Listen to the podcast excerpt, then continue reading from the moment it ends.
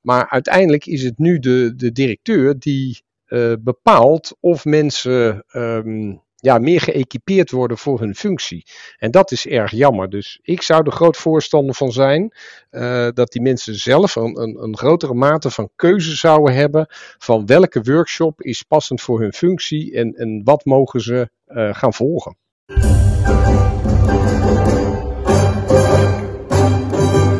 Sprex is de podcast waarin ik praat met experts over impact.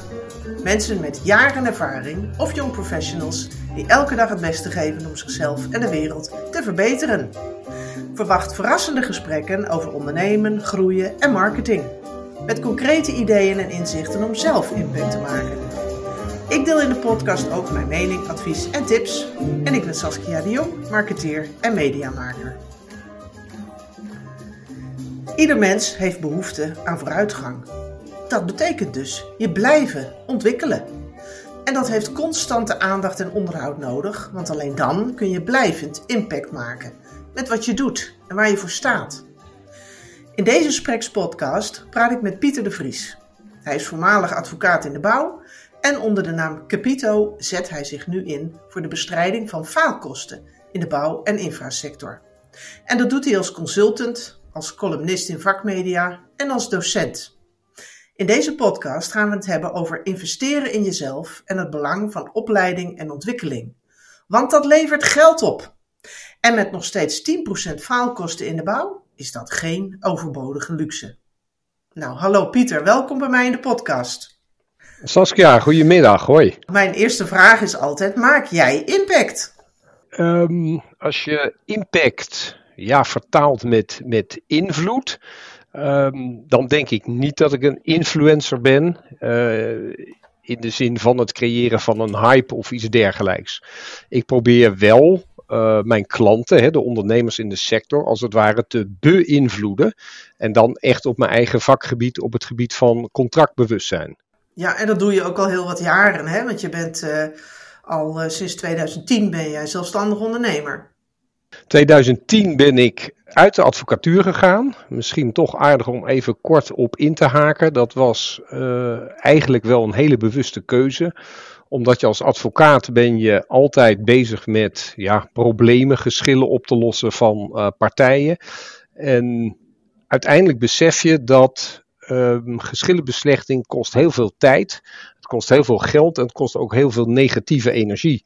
Vandaar dat ik ook eigenlijk voor mezelf op dat moment uh, de keuze heb gemaakt om de toga ja, vrijwillig aan de wilgen te hangen. En met Capito uh, te starten. Ja, en om eigenlijk dus problemen en geschillen eerder aan te pakken, hè? eerder op te kunnen lossen. Eerder aan te pakken, ja klopt. Ja, dan kom je eigenlijk uh, pas aan, aan het einde van de lijn. Hè, op het moment dat, dat er echt een ruzie is tussen partijen. Of ze hebben zich al in de loopgraaf uh, ingegraven. Uh, dan ga je als laatste redmiddel naar een advocaat. En ik probeer eigenlijk nu partijen, dus zowel opdrachtgevers, maar ook aannemers. ja, in hun voorfase, dus eigenlijk het liefste al uh, op het moment dat ze kiezen voor een uh, bouworganisatiemodel, of ze schrijven in op een werk, om daar al te kijken van waar zitten nou risico's of hoe moet je met bepaalde zaken omgaan. Ja, en, en daardoor, door de rol die je nu, uh, nu hebt, nu neemt, zie jij ook dat er in de bouw en infra eigenlijk nog steeds heel weinig lerend vermogen is. Hè? En hoe kom je zo tot die overtuiging? Ja, want het is, het is natuurlijk best een statement. Um, als ik kijk naar de, gewoon naar de cijfers. Ik denk uit mijn hoofd dat we in Nederland als bruto nationaal product iets rond de 900 miljard doen. Uh, de sector bouw en infra ja, schommelt tussen de, laten we zeggen, 80 en 90 miljard euro. En als je een beetje naar de serieuze rapporten kijkt, bijvoorbeeld het uh, sectorrapport van de ABN AMRO, die schat het uh, percentage faalkosten rond de 11%. Dus laten we defensief uitgaan uh, van die 10%. Ja, dan heb je het toch over 8 à 9 miljard euro. Uh, ja, wat per jaar door het putje heen gaat. Verschrikkelijk veel geld. Dat is ontiegelijk veel geld. Um, en ik blijf me daarover verbazen. Uh, soms denk ik wel eens als het mijn eigen bedrijf zou zijn. Uh, ja, dan zou ik toch proberen om dat gat op een of andere manier te gaan dichten waarom gebeurt dat dan nog steeds niet? Hè? Het Want dat percentage faalkosten is al jarenlang heel erg hoog. Ja, ik ben bang, uh, Saskia, als je kijkt ook naar de definitie van faalkosten. Uh, ja, dat komt niet uit de lucht vallen. Uh, faalkosten zijn eigenlijk al die kosten die veroorzaakt worden door de factor mens zelf. En ik denk dat de, de techneut, de, de, dat type mens, uh, is er toch eentje, en dat bewonder ik ook heel erg in ze, van gas op de lolly, uh, niet lullen maar poetsen. Uh, hey, we hebben een werk, we gaan direct aan de slag. En daar hoort gewoon minder bij om van tevoren al je risico's in kaart te brengen, om heel erg procesmatig te werken.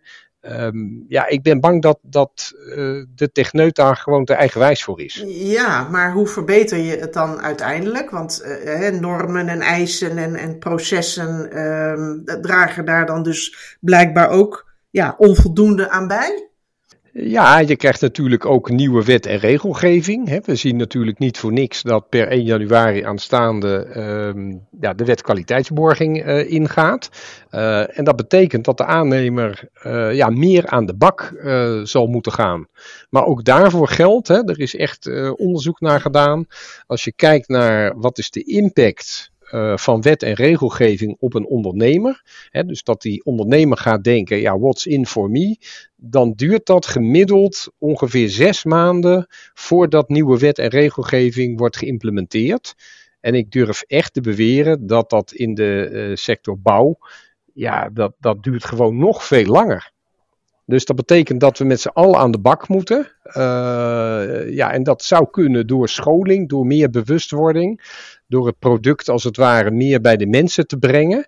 En ze ook in te laten zien van, hé, hey, als jouw uh, functie, jouw werk beter wordt gefaciliteerd, uh, ja, dan kun je er meer rendement uithalen. Hè? Niet alleen voor jezelf, maar ook voor het bedrijf. Maar dat is dus uh, aan de ene kant een, een, grote rol voor de, voor de ondernemer, maar, maar daarnaast hè, aan de andere kant mm -hmm. dus ook voor iedere um, werknemer, hè, iedere medewerker afzonderlijk.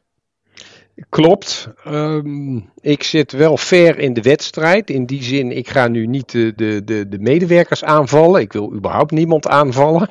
Maar als je nou denkt van, ja, waar zit verbetering in?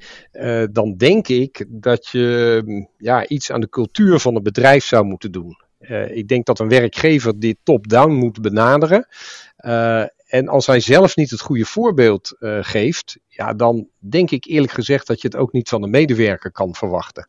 En daarop voortbordurend, ik zie dat de meeste werkgevers in de, in de sector, ja, die zijn toch echt wel van de champignoncultuur. De champignoncultuur, wat is dat?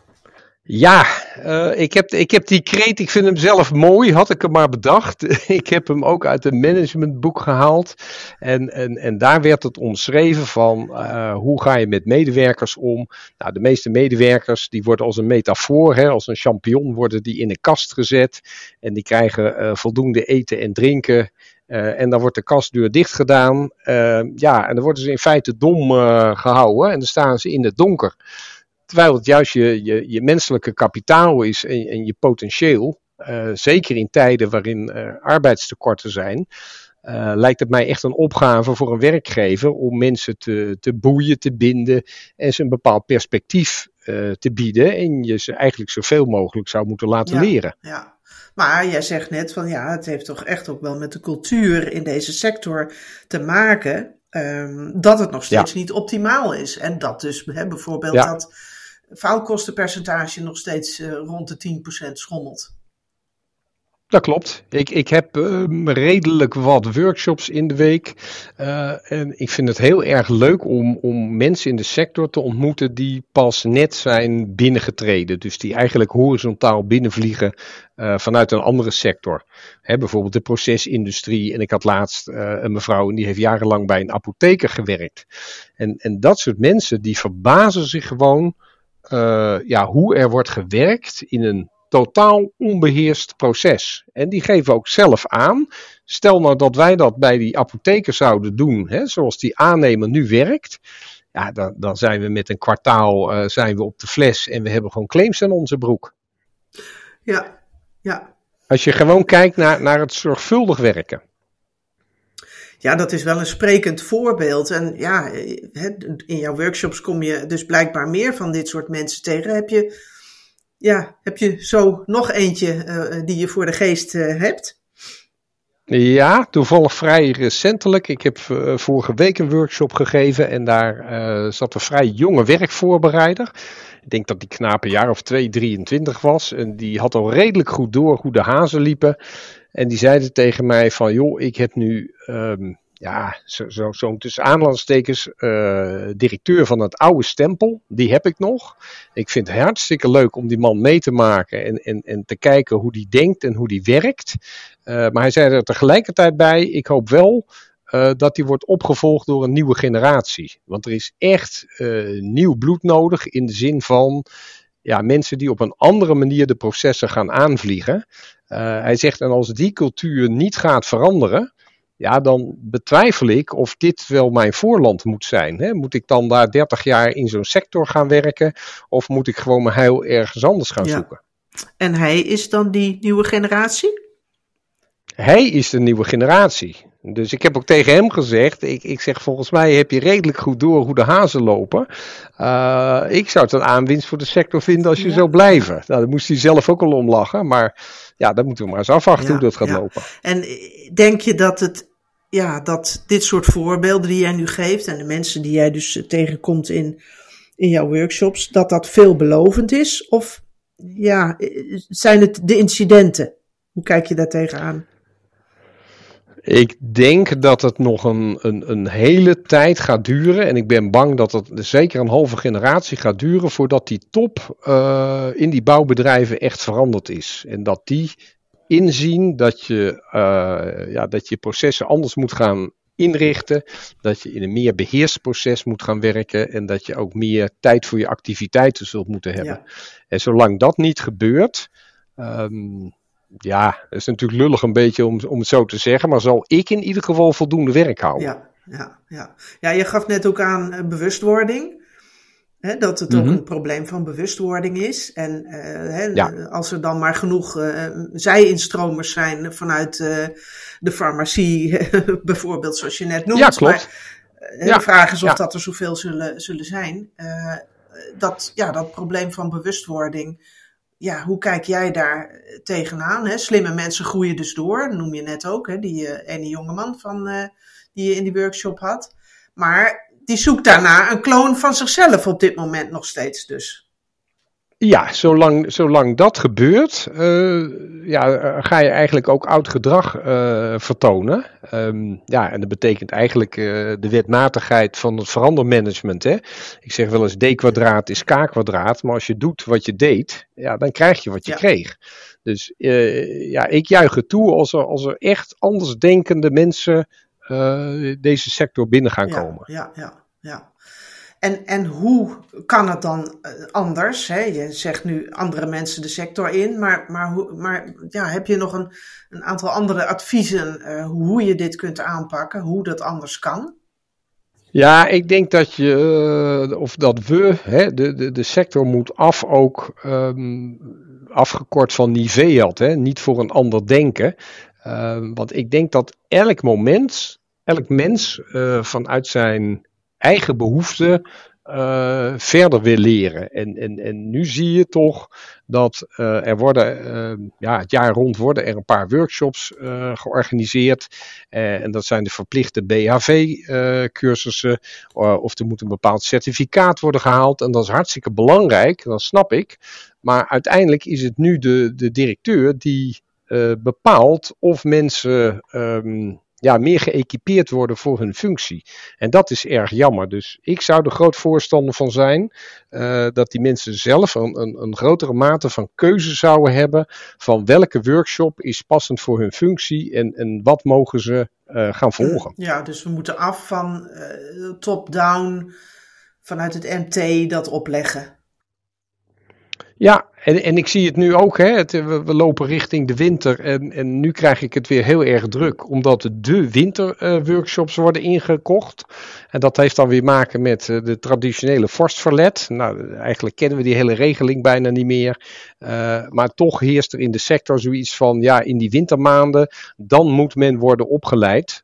Terwijl mijn devies is, je kan veel beter het jaar rond, kun je mensen bewust maken van een aantal problemen, dan met ze sparren en kijken van hoe kun je ze verder gaan helpen. Ja, ja.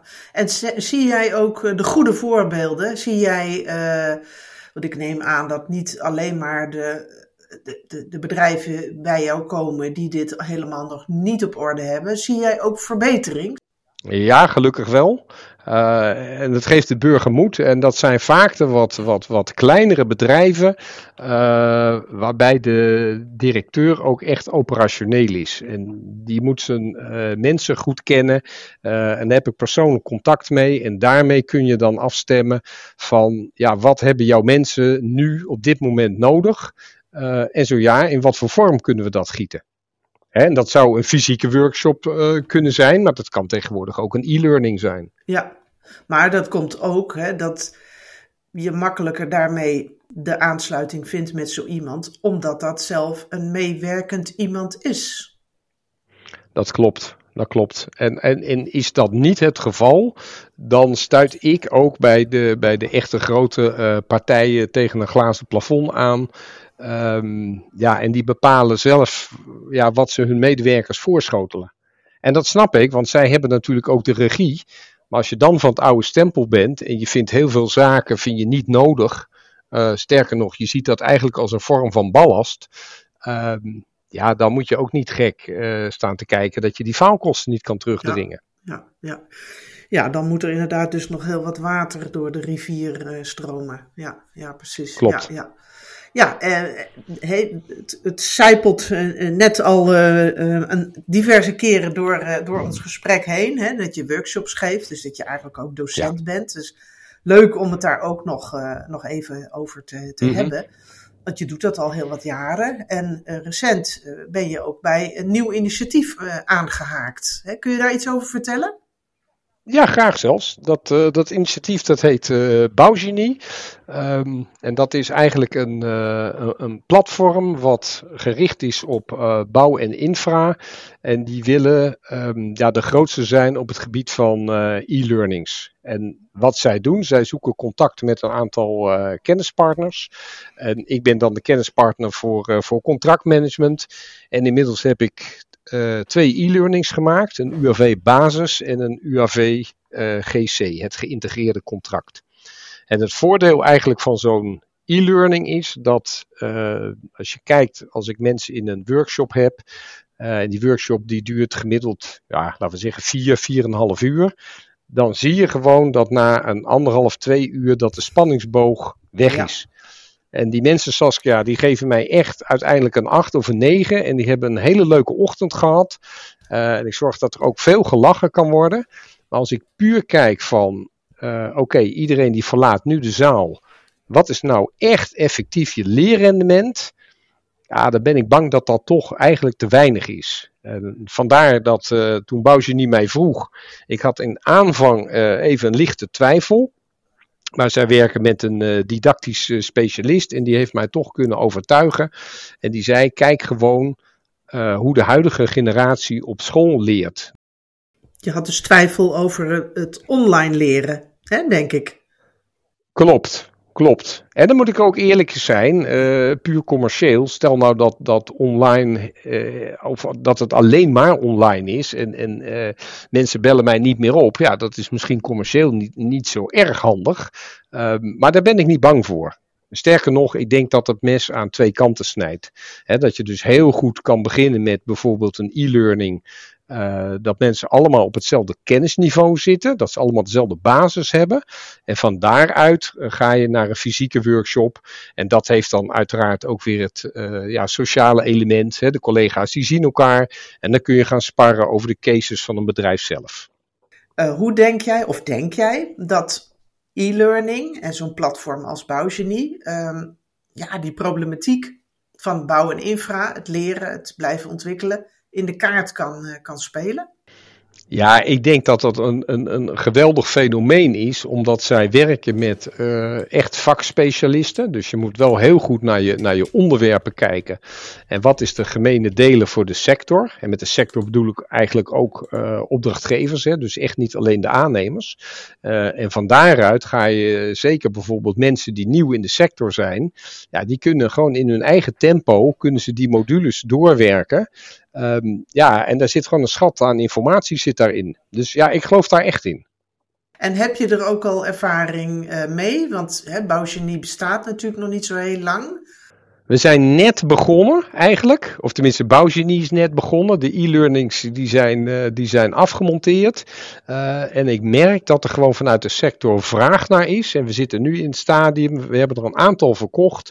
Er lopen offertes. Uh, ja, en er zijn heel veel partijen die wel uh, erg geïnteresseerd zijn en die zeggen: joh, uh, kun je mij een digitale sleutel geven? En dan wil ik er heel graag naar kijken. Nou, en dat is uiteraard geen enkel probleem. Ja, leuk. Ja, ja, het moet ergens beginnen, hè?